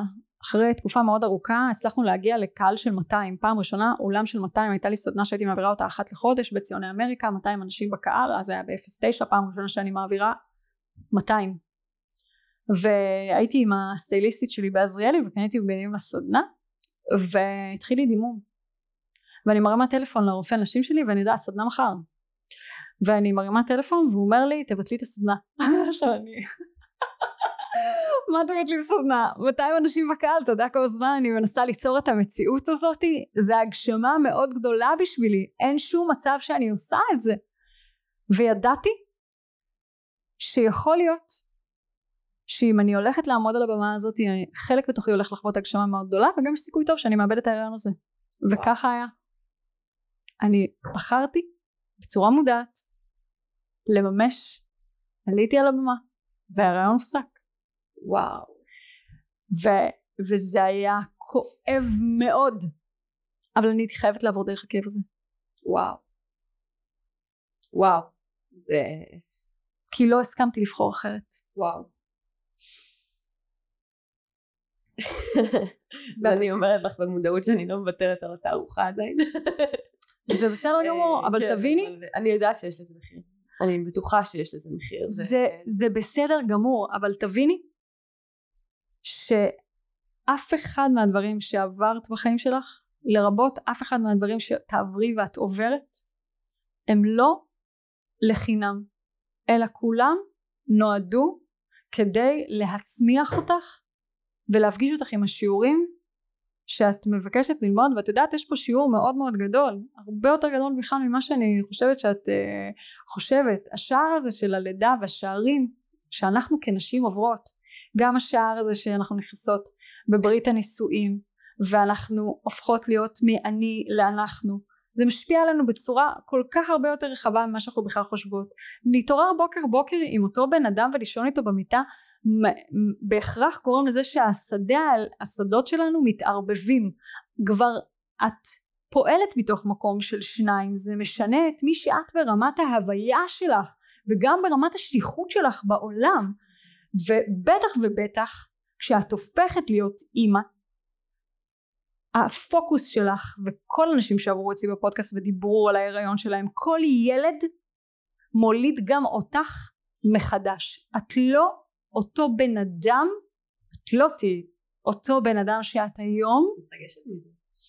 כשאת תהפכי להיות אימא אבל את כבר עכשיו עוברת בתעלת הלידה הזאת שבה את מתקלפת מהזהות הזאת של הלוחמת שאת. רוצה לשמוע עוד סיפור מעניין? תמיד. כשהתחלתי את החיבור שלי באמת ל, לרוח זה עבר דרך עולם היהדות ודרך עולם הבודהיזם ודרך עולם המדע ובאמת התכשיטי עוצמה נולדו מתוך המקום שדווקא מחובר מאוד לעולם המדע ולשדות שלנו לפיזיקה הקוונטית. אבל ב, אה, באמת כשעברתי דרך היהדות אז התחברתי דווקא לסיפורים של אה, רבנים שהם אה, חוזרים בתשובה כי הם היו קצת כמוני כמוך. ויש את הסיפור של הרב פנגר שהוא וואו אני ממליצה לשמוע את הסיפור חיים שלו כי שמעתי אותו עשרות פעמים הוא מרצה בחסד עליון. והוא, והוא סיפר שהוא התחיל את הדרך שלו הוא היה נזיר בודהיסטי הוא שנא אה, דתיים כאילו הוא לא יכל לסבול את הדת ואני חושבת שבאמת לדת יצא שם מאוד מאוד רע דווקא בגלל נשים לא בגלל התכנים. התכנים שבה הם קסומים ברמות כאילו זה קודים מוצפנים זה חומר שברגע שאת מצליחה לפתוח את מה שכתוב פה את מקבלת את, ה, את כל הסודות של הבריאה ואת יכולה להבין איך לרתום את האנרגיות לטובת בריאה של מציאות זה פשוט קסום. אבל אחד הדברים שהוא תיאר שם זה שהוא הפך להיות נזיר בודהיסטי ושם הוא התחבר אה, התחבר ליהדות ואני לא אעשה ספוילרים למי שילך לשמוע ואני מאוד ממליצה אבל הוא הגיע למקום שבו הוא כבר הוא למד את הרייקי והוא מילא סדנאות בקטע שכאילו היה לו רשימת ההמתנה מפה עד להונלולו ואז הגיעה אליו מישהי דתייה ואמרה לו שאלה אם זה קשה והוא אמר לה שזה כאילו תבדקי עם הרב והגיעו למסקנה שזה לא קשה הוא היה צריך לסגור את כל העשייה שלו והיה מדובר שמה במלא כסף שישב שם על הכף וסדנאות שהיו רשומים עליהם קדימה למלא זמן והוא היה צריך לעמוד במבחן הזה. זה היה מבחן אמונה שהוא היה צריך לעמוד בו. ועד פה ספוילרים. תשמעי מה קרה? וואו אוקיי זה אני בטוח הולכת לשמוע. סיפור חיים הרב פנגר ממליצה בחום. אבל אני יכולה להגיד לך ש... ככה עובד אה, מסע של התפתחות בחיים כשאנחנו צריכים לגדול למקום הבא אז בהכרח כמו שאת עולה עכשיו בכדור פורח למעלה בשביל לעלות את צריכה להשיל מעלייך שקים אז כמו שהיית צריכה לרפא, לרפא את הטראומות בנפש שלך אה, כדי לזכות להיכנס לזוגיות אז ככה יש לך שקים ומשקל כבד של להשיל מעלייך ובעוד זה מפגיש באמת עם פחדים מי אני אהיה אם אני אוותר על הדברים האלה. אה, אני יכולה להגיד לך שהמתנות שמחכות בצד השני הן עצומות. לאחוז בילד ילדה בחיים שלך הולך לפתוח לך את הלב להרגיש רגשות שאת לא הרגשת בחיים שלך. ואין דבר יותר קסום מזה אין, אין, אין דבר יותר קסום מהיצור הזה שמסתכל עלייך וקורא לך אמאי, אמאי, ככה נערור קורא לי אמאי, אני שרופה עליו, את לא מבינה איזה מתוק הוא. איזה כיף, איזה, תקשיבי זה מדהים, אני ידעתי שיהיה פודקאסט מדהים, לא ציפיתי לכל כך מדהים, ואני רוצה לשאול לטובת הצופים שלנו שקצת פחות uh, מכירים, יודעים, הגדרות, את יודעת להבין מה זה אנרגיה נקבית, מה זה אנרגיה זכרית, איך אני מתחבר לזה, איך אני מתחבר לזה, אם אני גבר אז איך אני מתחבר לאנרגיה הזכרית שלי, אם אני אישה איך אני מתחברת לאנרגיה הנקבית שלי ומושכת גבר שהוא באנרגיה הזכרית שלו ואני מאוד אוהבת את העולם הזה של, ה, של אנרגיה זכרית, אנרגיה נקבית ונורא כבר קל לי להבין איפה בן אדם נמצא ואיך הוא משך לעצמו דברים כאלה בעניין של הצבת גבולות וכאלה אבל אני אשמח שאת תסבירי מהי אנרגיה נקבית ומהי אנרגיה זכרית. אני אעשה לך קווסט, אני אתן לך להחזיק את סמל האלה ביד, ובזמן שאני מסבירה אני אגיד לך תעצמי את העיניים ותרגישי. רגע נראה לה מצלמה. יש לי פה את הגיל. זאת האלה המפוארת. מדהים. אה, לא רואים אותה. וואו איזה יפה זה אבל. צריכה להגיד כן. אז תחזיקי את זה, ותרגישי רגע את האנרגיה שלה. אני אתן לך רגע להרגיש אותה, ו- ודווקא אני, אני אתחיל מלהסביר אה, מה זה האנרגיה נקבית ובכלל מה זה האנרגיות האלה, טוב? אז אה, בעצם יש לנו בכל דבר שקיים בטבע שני כוחות, שני כוחות חיים, בין אם אני גבר, בין אם אני אישה, יש בי אין ויאנג, אנרגיה זכרית ואנרגיה נקבית. בכולנו יש גם אנרגיה זכרית וגם אנרגיה נקבית. מה שמשתנה זה המינונים, אפשר להגיד המינונים המולדים שנולדנו איתם. אה, אפשר ללכת להקשיב לפרק שלי ושל מיכל גרין כי אנחנו ממש מדברות על זה במספרים על איך אפשר לראות את האנרגיה הזכרית והאנרגיה הנקבית במספרים. אה, אז יש את האנרגיה המולדת שהגענו איתה ויש גם את ההשתנות שקורית לאורך החודש. בין אם אני גבר ובין אם אני אישה האנרגיה הזכרית והאנרגיה הנקבית עוברות תנועה בתוכי לאורך החודש אבל אנחנו הנשים הרבה יותר רגישות לזה כי יש לנו בתוך הגוף שלנו רחם והרחם הזאתי ודרך אגב רגע שנייה אני עוד אקח עוד סוגריים בסדר? אנחנו יש לנו אה, אחוז מאוד גבוה של מים בגוף שלנו. המים שלנו מושפעים מהירח כי הירח משפיע על תהליכי גאות ושפל. את יודעת מתי יכולתי לראות שאני לא משוגעת ולא מטורללת? היה לנו איזה חודש שנסענו והיינו בו על אי כשהיינו על האי ראיתי שבבוקר כשאני קמה באנרגיה נמוכה המים בשפל. אמרתי אה וואי אני זה לא לא בגלל שמשהו לא בסדר איתי אני מרגישה ככה כי המים בשפל. וכשהמים היו בגאות פתאום הייתי יותר מחוברת לעצמי ויותר באנרגיה שלי. הדבר הזה קורה גם במחזור של הירח אוקיי? זה ממש זה, זה מרובד אז אני אנסה לתת תשובה קצרה ואני, ואני מזמינה פלוטו זה זה? כזה נסיגת מרקור? לא עזבי אל תיכנסי לשם זה בכלל כאילו אני רגע מדברת איתך על הירח שמשפיע על הרגש שלנו ומשפיע על המים בתוכנו אבל מערך הכוכבים לגמרי לגמרי משפיע על המצב הרגשי שלנו ואני לא מתמחה בכוכבים אבל אני כן מאוד אוהבת את זה אבל זה, זה ממש משתנה לפי המפה של כל אחד מאיתנו. אז מי, שמה, מי שמתחבר לזה אני מאוד ממליצה להעמיק בזה. אני כל הזמן צורכת אה, תחזיות של אה, אסטרולוגיה התפתחותית. חוזרת לכאן. אנרגיה זכרית אנרגיה נקבית בגדול בגדול בגדול. ותכף אני כן רוצה לתת אבל בכוכבית לאישה ומה אני ממליצה לעשות ואני ואשלח לפודקאסט שלי ששם אני מדברת על זה מלא. אנרגיה זכרית אנחנו יכולים לראות אותה בחברה שלנו שמושתתת עליה היא מאוד מאוד תוצאתית. זה, היא, היא פשוט יודעת להגיע ממקום למקום. דן אוהב אה, להמשיל את זה לזה שאנרגיה נקבית זה כמו ים ואנרגיה זכרית זו הסירה שחוצה את הים מגיעה ממקום למקום.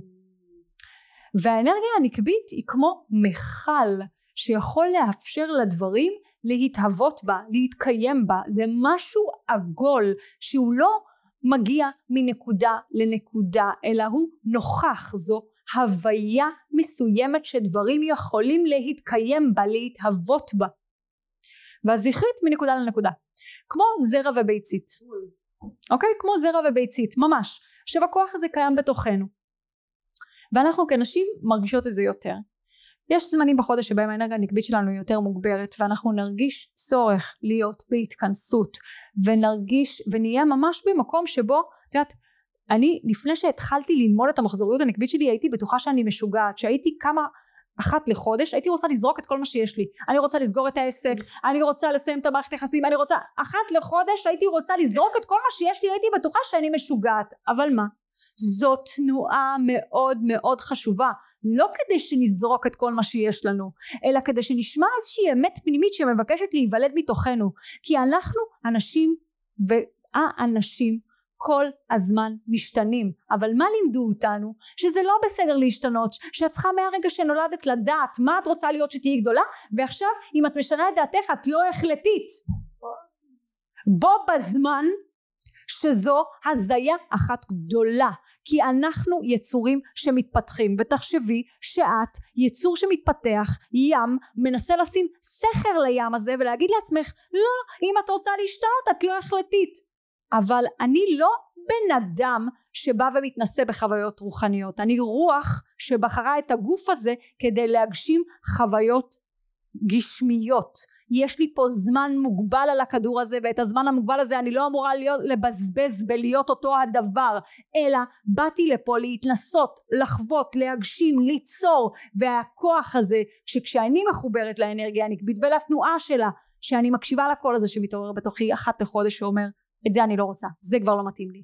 שאני לוקחת את התנועה פנימה אני מפסיקה להיות עם אנשים כי כרגע אני לא מרגישה שנכון להיות עם אנשים כרגע אני רוצה להיות עם עצמי. זה זמן נכון להפריד את הסודות שלנו מאנשים שסביבנו להפריד את הסודות שלנו מהבן זוג שלנו שרגע נזכור את עצמנו. אחד הדברים שהורסים מערכות יחסים זה שנכנסים למערכת יחסים אנחנו מתאהבים הרי אחד בשני בזכות האינדיבידואל שאנחנו. ואז אנחנו מתערבבים אחד בשני והיא שוכחת מי היא והוא שוכח מי הוא ואז כבר אין את הקסם בתוך הקשר כי אנחנו יותר מדי דומים. חשוב שנהיה דומים אבל גם חשוב שנזכור מי אנחנו ונמשיך גם את התנועה האישית הזאת את יודעת זה אחד הדברים שאנחנו אני יכולה לראות באבולוציה של הקשר שלנו אני ודן המון שנים כבר ביחד. ו, ולאחרונה אנחנו עוברים ממש ממש מסע כזה של אה, שחרור של תלות של היפרדות של לאפשר לכל אחד אוקיי בסדר שיש לנו ילדים בסדר שאנחנו מגדלים ביחד ילדים ולכל אחד מאיתנו יש חלומות ובאנו עם חלומות לתוך הקשר הזה. ואסור לאף אחד מאיתנו לוותר על החלומות שלו אנחנו צריכים לתמוך אחד את השני בהגשמה הזאת. ו- וממני זה דרש לשחרר את התלות שלי ויותר אה, זה שיעור אה, רוחבי בחיים שלי המקום הזה של העצמאות שכל הזמן להיזכר אה, לקחת לעצמי את המקום שלי ולתת לו את המקום שלו זה עבר דרך ריפוי שלי של לרפא את חרדת הנטישה שלי. אבל אם אני חוזרת לאנרגיה הנקבית אז יש את הזמן בחודש שבו אנחנו בהתכנסות ואנחנו מתקלפות ויש את הזמן שבו אנחנו מבייצות ואנחנו רוצות לפגוש את העולם ויש לנו אנרגיה את יודעת אני בביוץ יכולה לעשות דברים ש, אה, שבחצי שנה אנשים אה, עושים בכמה ימים יש לי אנרגיה מטורפת. את החפיסת קלפים האלה של מאישה לאישה אני יצרתי מביוץ לביוץ. באמת? ככה כמה חודשים שבו היה לי יום הולדת היה אירוע נשים יצרתי את זה לשם ואז כשדייקנו את החפיסות מביוץ לביוץ זה לקח כמה חודשים אבל זה היה הזמן שבו היה לי אנרגיה מדויקת בלי שהייתי במלחמה עם עצמי. וזה ללמוד להקשיב לאלה הזאת שקיימת בתוכך. זאת שיודעת את הערך שלה. זאת שיודעת מי היא. זאת שלא מפחדת שיקחו לה זאת שלא מפחדת שהיא לא יהיה לה זאת שלא מפחדת להגיד את האמת שלה כי אז ילכו ממנה זאת שמחוברת לאמת שלה שיודעת שכשאת קשובה לעצמך הכל מסתדר. הכל מסתדר. אבל כשאת לא קשובה לעצמך ושאת מפזרת את האנרגיה שלך ושאת מרצה ושאת אומרת כן כי לא נעים לך ושאת אומרת כן כי את מפחדת הכל בחיים שלך מסתבך ומהדהד לך שאת לא במקום הנכון שלך כי את זזת מהסנטר שלך. את זזת מהסנטר שלך.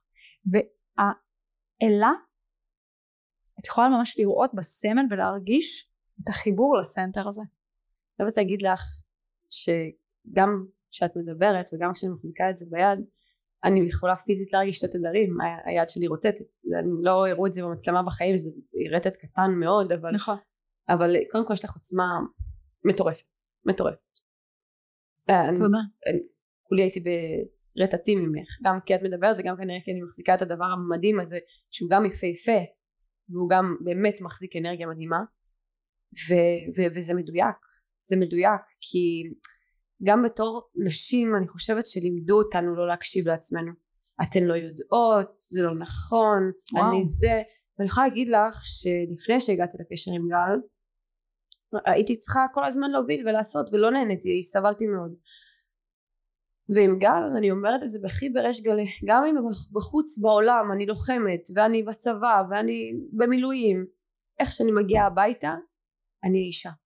הוא מחליט הוא מוביל אני יכולה לתת לו את הדעה שלי את הרעיונות שלי את הדברים שאני רוצה לתת אבל אני כל כך סומכת עליו שהוא יבצע את ההחלטה הנכונה שאני אומרת לו תחליט קודם כל זה נורא כיף.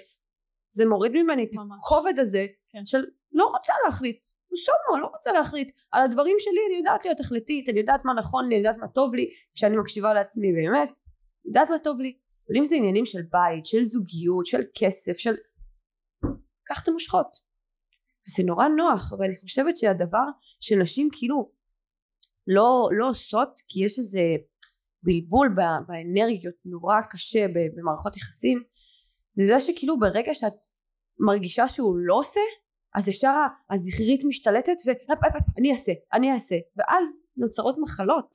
יש לי חברה מדהימה שאני הכי אוהבת אותה בעולם והיא נורא אומללה. אז, אז אמרתי כל מה שאת צריכה לעשות זה את התנועה הזאתי כדי למשוך את האנרגיה הזכרית שלו החוצה כי את נורא מובילה עושה מעסיקה אותו. תנוחי רגע תסכימי רגע לשחרר. תפני מקום בדיוק ו- ומנגד יש לי חברה אחרת שבעלה קרה שם איזשהו משהו באמת קוסמי והוא נכנס לאנרגיה הזכרית שלו סליחה ונתן לה להרגיש כל כך בטוחה שפתאום בחודש הבחורה נהייתה מהבחורה הכי צדקנית ומחפשת צדק לאישה הכי רכה שראיתי ואנחנו כולנו בחבורה מסתכלים עליה ואומרים לה מה קרה? מה קרה? פתאום היא בוחרת את המלחמות שלה, היא לא מתווכחת, פתאום היא נורא בטוחה במקום שלה, פתאום נורא נוח ונעים להיות לידה, כי היא לא מתווכחת על כל דבר, והיא לא צדקנית, ו...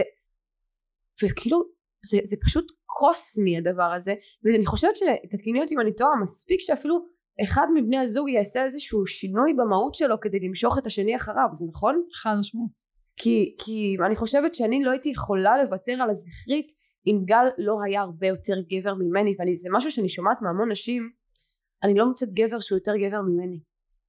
ואני לא מצאתי אף גבר שהייתי איתו לפני גל לא היה יותר גבר ממני. אף אחד לא היה מסוגל לקחת את המושכות גם כי אני לא נתתי אבל גל לא שאל. גל לא ביקש את האישור שלי לקחת את המושכות. גל היה שם ובמקום של ביטחון כזה לקח את המושכות בשקט בלי, בלי דרמות, בלי צעקות, בלי כלום. אפילו אני, אחדד את זה, שגל ואני בהתחלה, השנה הראשונה שלנו הייתה מאוד קשה. אני הגעתי אליו בשיא הפוסט טראומה שלי, עם בעיות בכל העולם, והוא... הוא, הוא היה צריך רגע להכיל את כל הדבר הזה, ונכון הוא היה כוס הרבה יותר ריקה ממני, לכן הוא היה יכול להכיל את זה ולהחזיק את כל מה שהבאתי איתי, אבל אני אז לא רציתי לוותר על הלוחמת, הלוחמת מאוד שירתה אותי, וכשמשהו לא הסתדר לי במערכת היחסים והוא לא עשה בדיוק מה שרציתי הייתי צועקת. והוא הדפוס שלו זה יותר להימנע ולהיסגר אז הייתי צועקת עליו. ואם הוא היה לא מגיב אז הייתי קמה ויוצאת מהחדר. והייתי אומרת לו אני הולכת ממך והזוגיות הזאת נגמרת ואני לא חוזרת.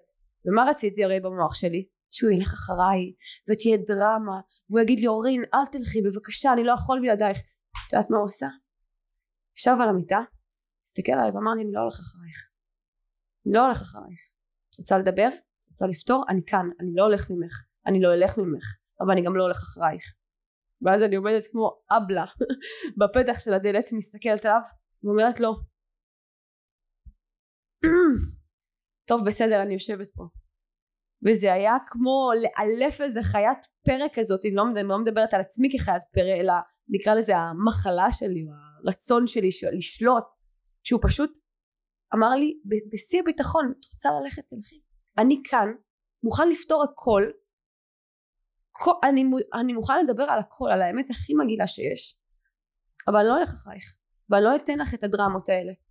ואחרי כל הגברים האחרים אז היו רצים אחריי ודרמות ובלאגנים וצעקות ואלימות ובדיוק הסרטים שהמוח שלי ביקש.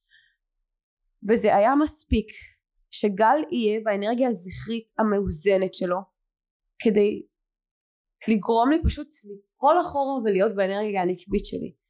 וככל שאני מתחברת יותר ואת זה, זה מסע ההתחברות הזאת לאנרגיה הנקבית היא מסע מדהים ומטורף. ככל שאני מתחברת יותר אני מרגישה איך יותר אני אוהבת נשים איך הרבה יותר כיף לי בסביבה של נשים איך הרבה יותר כיף לי להיות רכה ועדינה ולא להילחם כדי להשמיע את הקול שלי כי אני לא צריכה להשמיע את הקול שלי בכוח. כשאני מדברת כולם שותקים.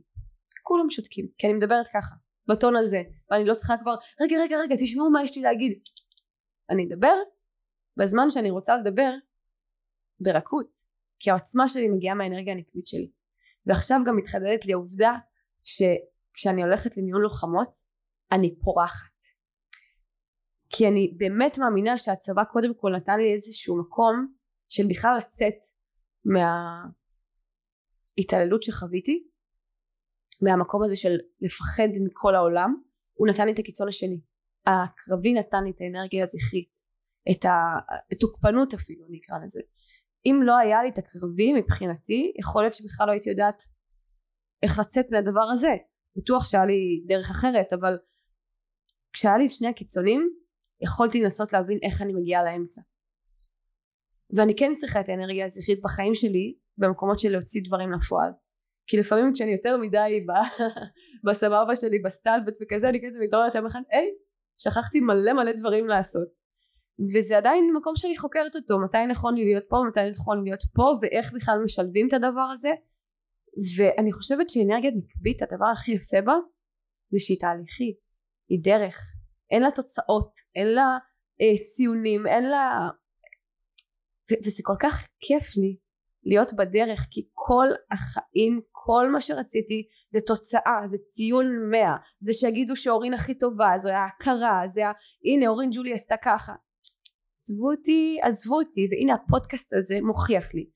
הפרק הזה יהיה באזור ה-20 ומשהו ואת הפודקאסט הזה רציתי לעשות במשך מהרגע שהתחלתי לטפל בעצמי.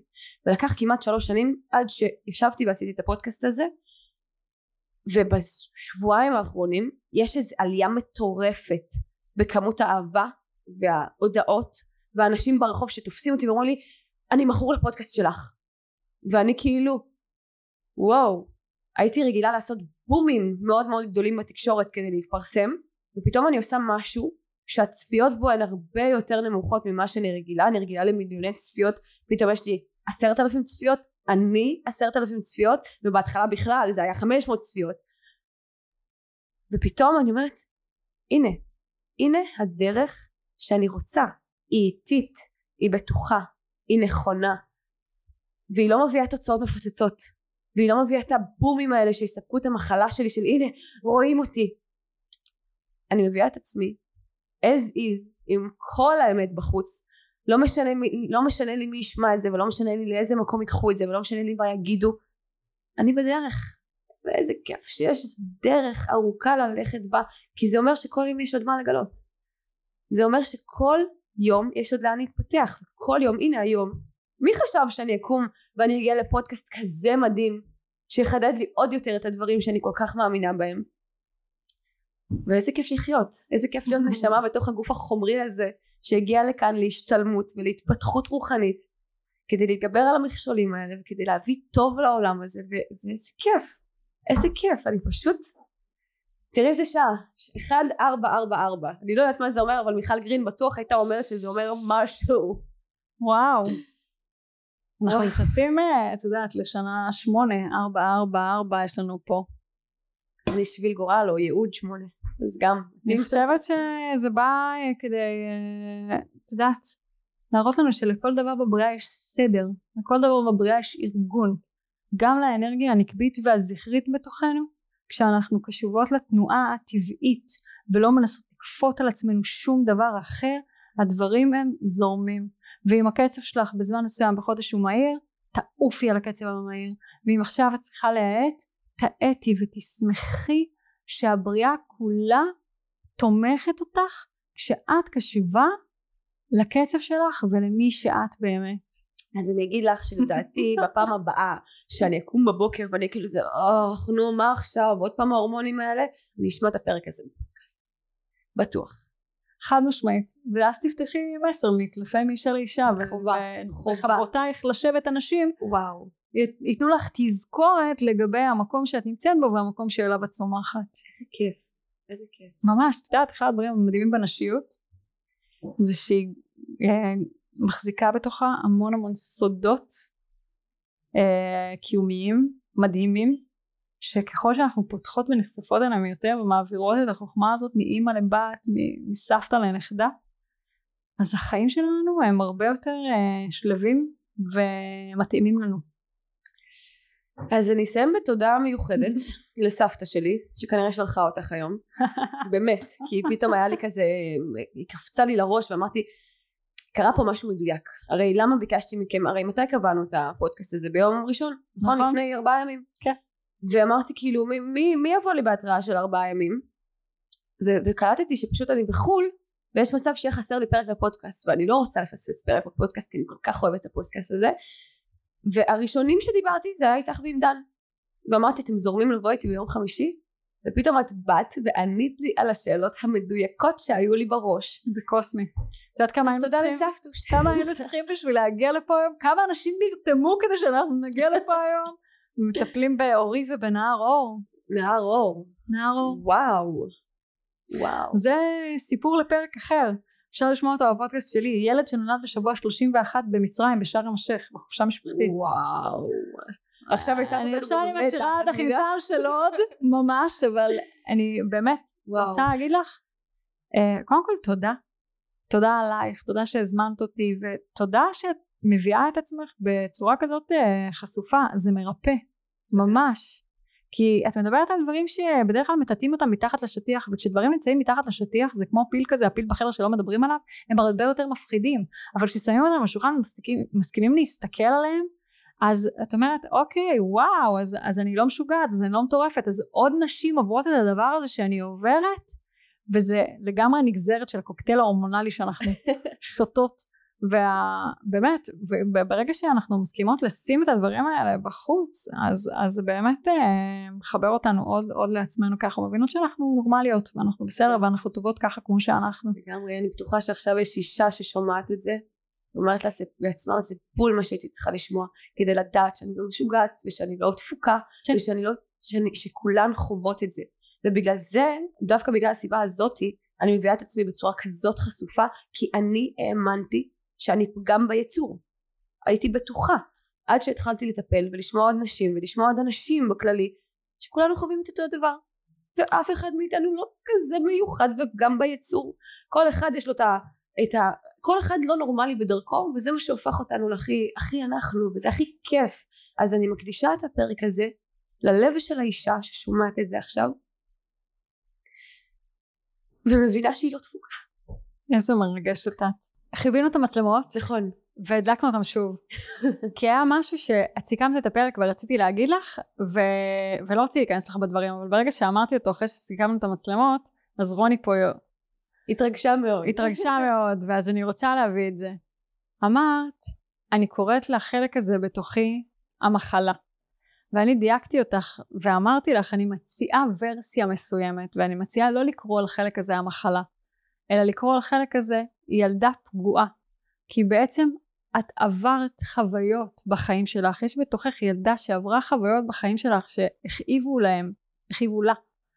והילדה הזאתי היא צריכה אימא מטיבה שתסתכל עליה ותגיד לה את לא תפוקה, לא צריך לתקן שום דבר, היא צריכה אימא שתחבק אותה ותגיד לה שאת כאן איתה ואת שומרת עליה והיא טובה ככה ומה שקרה לה לא קרה לה כי היא אשמה וכי היא לא בסדר. אני חייבת להגיד שלא קראתי לזה חס וחלילה מחלה מתוך מקום של הלקאה עצמית יש לי פה קעקוע שלי מחבקת את הילדה הפנימית שלי. פשוט אה, אני בראש שלי אין טוב ורע בעולם. אה, המונחים האלה לא קיימים מבחינתי קיים מחלה או ריפוי. אז כאילו מבחינתי אם אני אם, אם הילדה מחלה או כל דבר כזה אחר עולה אז אני רוצה גם לדעת להציב לילדה הזאת גבולות כי הדבר נכון אני מחבקת אותה ואני אומרת לה כמה היא טובה ומקסימה והיא באמת לא אשמה במה שהיא עברה אבל ברגע שהיא מתפרצת היא חייבת באמת אימא אמיתית שגם תדע להציב לה גבולות אז לכן אה, קראתי לזה ככה אבל תודה שחידדת ואני אקח את זה. אבל אני חייבת להגיד לך עוד משהו. כן. ילד שמתפרץ לא צריך גבול. ילד שמתפרץ צריך שיחבקו אותו ויגידו לו שמותר לו להרגיש את הרגש שלו כמו שמותר לו להרגיש את הפחד עד הסוף אז מותר לו להרגיש את הכעס עד הסוף. כי פחד כמו גם כעס הם בסך הכל רגשות שאנחנו לא מצמידים אליהם שום סיפור של טוב או רע. הם משנים צורה כשמרגישים אותם עד הסוף ובפעולות. ובפעולות אנחנו רוצות ללמוד להיות מכל של הרגש במקום לפעול מתוכו ואולי נקליט עוד פרק. טוב נו די די אנחנו חייבות עוד פרק נראה לי. אבל תודה רבה שנשארת ואמרת את זה. ממש חשוב לי שתתני לעצמך לכעוס, כי את יודעת אחד הדברים שפחדתי מהם זה הכעס שלי. פחדתי מהכעס שלי ואני לומדת היום להיות נכה לכעס בלי להצמיד לו סיפור ובלי לשפוט את עצמי כשאני כועסת אלא להבין שיש בתוכי ילדה שנפגעה ומותר לה לכעוס. תודה רבה. נתראה בפרק הבא של פודקאסט נפש וחבר'ה.